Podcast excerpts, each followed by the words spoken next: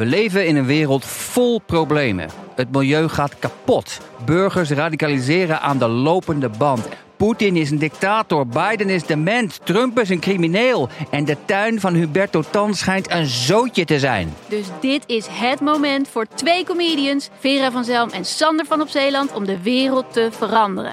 Alles moet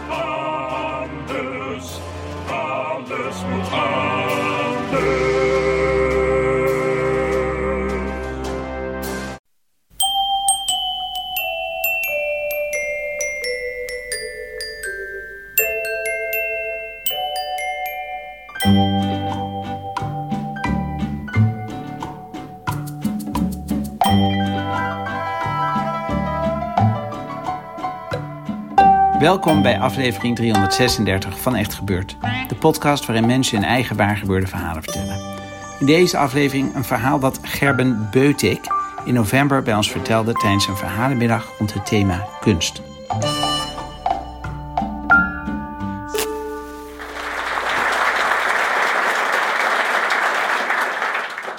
Op de middelbare school, ehm, toen deed ik voor de grap auditie voor eh, de schoolmusical. En ik kreeg toen de hoofdrol. En eh, toen kwamen er achteraf allemaal mensen naar me toe van... ja, je deed echt goed, je hebt echt talent, hier moet je iets mee gaan doen. Maar ik twijfelde heel erg, want ik had nog nooit theaterles of een theateropleiding of zo gevolgd. Maar toen dacht ik, nee, oké, ik ga toch, ik ga toch, ja, ik ga iets doen. Ik ga auditie doen voor de Kleinkunstenacademie in Amsterdam. Niet geschoten is altijd mis. Ehm, en ik wilde heel graag als boom gaan. Ja, dat leek mij wel leuk. En ik dacht ook van ja, als ik nou als boom kan laten zien dat ik het kan, dan is dat ook gelijk een bevestiging eh, voor mij dat ik talent heb, dacht ik. En eh, ja, um, nee, ik vertelde dat aan mijn ouders. En mijn ouders waren gelijk van, oh dan moet je oma vragen. Want oma, ja, die wil dan vast wel een boomkostuum voor je naaien. Ehm, dus...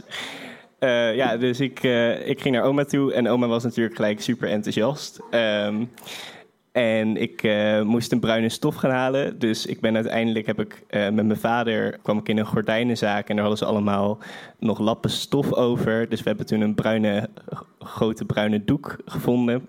En toen ging ik naar mijn oma en we gingen eerst een, een testversie maken. Um, van, van wit, oud-wit laken. Um, dat moest ik ook aan. Ik werd helemaal opgemeten. En um, oma die vroeg ook van ja, wat voor een sluiting wil je dan? Wil je dan een rits of wil je met knopen? En ik, ja, ik was gewoon van ja, oma, ik ga als boom. Dus ik weet niet, ik weet niet dat mensen daar zich druk over maken. En, maar goed, het, het werd een rits. En ze vroeg ook van ja, wat, wat voor naden wil je?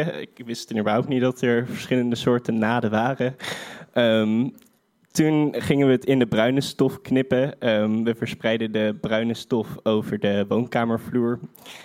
En nou ja, goed, toen hielp, hielp ik oma met knippen. Ik moest dan de doek uh, strak houden, uh, zodat oma dan mooi over het lijntje kon knippen. En nou, toen was de, ja, de, ook de bruine stof geknipt. En toen zei oma van, nou, ik maak het af en dan kom ik het over twee à drie weken brengen nou ze kwam het na iets meer dan twee weken inderdaad brengen, maar ik was niet thuis. Dus toen ik het eenmaal uh, in handen had, toen, ja, toen, was, toen was zij dus al weg. En ik trok het aan en ik ging voor de spiegel staan. En uh, ik, ik weet niet zo goed hoe ik dit moet zeggen, maar ik vond het echt heel lelijk. Uh, het kwam ongeveer tot, ja, tot ongeveer midden op mijn schenen. Um, en vanaf daar had oma een soort hele ielige, dunne sliertjes gemaakt. Die ook op veel te grote afstand van elkaar hingen. Um, dat waren dan de wortels. Maar, maar de wortels kwamen ook helemaal niet tot aan de grond. Uh, en ik ging naar de woonkamer, daar zaten mijn ouders. En ik zei tegen mijn ouders van... dit kan echt niet, hè? En mijn ouders waren ook echt van... nee, dat zou ik niet doen. Um, dus ja, ik besloot ook om het niet te doen. Uh, maar dat durfde ik natuurlijk niet aan mijn oma te vertellen. Um, en dat heb ik toen niet gedaan. En dat heb ik ook nog steeds niet gedaan. Uh, ja, en toen dacht ik van, nou dan word ik wel gewoon een minimalistische boom. Ik doe wel gewoon twee takken in mijn hand. Maar het was het volgende probleem. Dan dacht ik van, ja, dan kom ik in Amsterdam aan en dan kan ik geen takken vinden. Dus ik dacht, ja, dan ga ik wel hier naar het bos om op zoek te gaan naar takken. Ik woon in Zutphen, eh, dus ik ging, in Zutphen ging ik op zoek naar takken. Ehm, toen dacht ik dat ik heel praktisch dacht door hele grote takken te nemen. Want ik dacht dan van, ja, eh, als er dan takken afbreken, dan hou ik altijd iets over. Maar ja, vervolgens moest ik met die takken eh, helemaal naar Amsterdam. Ehm, ik ging de avond van tevoren ging ik bij mijn zus slapen. Eh, die, die zit op kamers in Amsterdam. En ehm, nou ja, goed, ik liep daar toen naartoe en toen werd ik eigenlijk heel erg bang. Ehm, ja, ik had me er gewoon heel erg op verheugd. Ehm, maar ja, toen was ik er ineens helemaal niet meer zeker over. Ik dacht echt, waarom doe ik dit? En ik liep daar ook met die takken en het woeien echt super hard. Dus het was helemaal niet handig. En eh, ja, en toen voelde ik me natuurlijk wel heel erg schuldig tegenover mijn oma. Die had al die liefde en moeite in dat kostuum gestoken dat ik dan uiteindelijk helemaal niet heb meegenomen. Nou ja, goed. Ehm, volgende dag, toen was de auditie, kwam te laat met mijn takken. Dus ik zag mensen wel gniffelen, dus ik dacht van, nou, oké. En eh, we begonnen met een warming-up. En ik vond dat heel erg intimiderend. Ehm, want al die mensen, ehm, die, ja, alle andere auditanten, die kenden dat spel ook al. En, en ze waren heel erg aan het schreeuwen. En ja, op de middelbare school was ik altijd gewoon een van de meest extraverte. Maar ja, daar was ik ineens echt super introvert. En ik dacht echt, help. Nou ja, toen mocht ik op. Dus ik pakte mijn takken. Toen moesten er alweer mensen lachen. Dus ik dacht van, nou, oké, er gaan in ieder geval mensen lachen, dacht ik toen. Ehm, en toen ging ik staan en toen stond ik dus met mijn rechtervoet op een krakende plank. Dat was echt ideale sound effect, want elke keer als ik dan ging waaien, dan kraakte die plank. Ja, ik vond dat toen echt geniaal. Ehm, nou, ik had een hele act bedacht. Ik was een boom eh, met gevoelens. Ik begon ook met eh, bomen hebben ook gevoelens.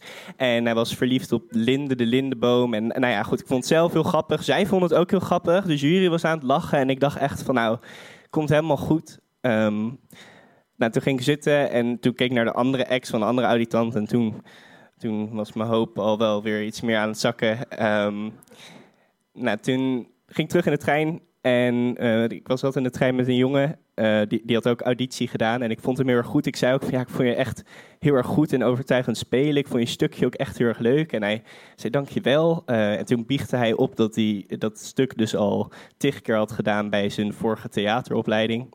Ehm, tussen ons in stonden mijn takken weer. Ik had ze weer mee teruggenomen, want ja, ik, ik, wilde, ze, ik wilde ze op zich wel weggooien. Ehm, maar ja, toen zeiden al die andere auditanten van... nee joh, dat moet je meenemen, dat is grappig. En uh, ja, ik stond inmiddels ook al bekend als een jongen met zijn takken. Dus ik dacht van, nou, ik neem die takken wel weer mee terug. Dus ik zat daar in de trein met die takken en die jongen. En... Um, en ja, toen ging hij verder en hij vertelde wat voor een, vooropleidingen en allemaal andere theateropleidingen hij wel niet allemaal had gedaan van kinds af aan. En terwijl hij dat vertelde, was hij dus de takjes van mijn takken aan het afbreken. En ja, terwijl hij dat deed, um, ja, brak ook een beetje mijn hoop. En ik, uh, ja, ik, ik viel ook in de eerste ronde af, al gelijk. Um, ik heb daarna ook niks meer met theater gedaan. Ik um, ben Nederlands gaan studeren in Utrecht. En ja, ik heb me wel altijd dus nog afgevraagd van ja, als ik dat kostuum nou had meegenomen, was ik dan misschien niet toch? Maar ja, dat, uh, dat zullen we nooit weten.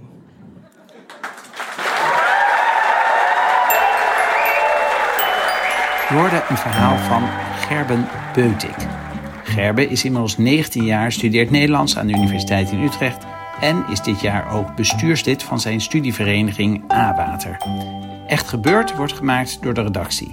Die bestaat uit Paulien Cornelissen, Rosa van Toledo, Maarten Westerveen en mijzelf, Micha Wertheim. Productie Eva Zwaving. En Eva neemt deze maand afscheid van Echt Gebeurd. Ze gaat zich toeleggen op haar muziek, voice-overwerk en nog veel meer. Benieuwd? Ga dan even naar www.evazwaving.com. Daar kan je zien wat ze allemaal doet en zelfs luisteren naar de muziek die ze maakt. We zijn Eva heel dankbaar voor alles wat ze heeft gedaan voor Echt Gebeurd en weten zeker dat we elkaar ook in de toekomst nog wel zullen blijven zien. Hanna Ebbingen is onze nieuwe zakelijk leider. Onze zaaltechnicus was dit keer Jasper van Oorschot en onze podcastmaker is nog steeds Gijsbert van der Wal. Dit was aflevering 336. Tot volgende week en vergeet ondertussen niet, als ze lachen, doe je blijkbaar toch iets goed.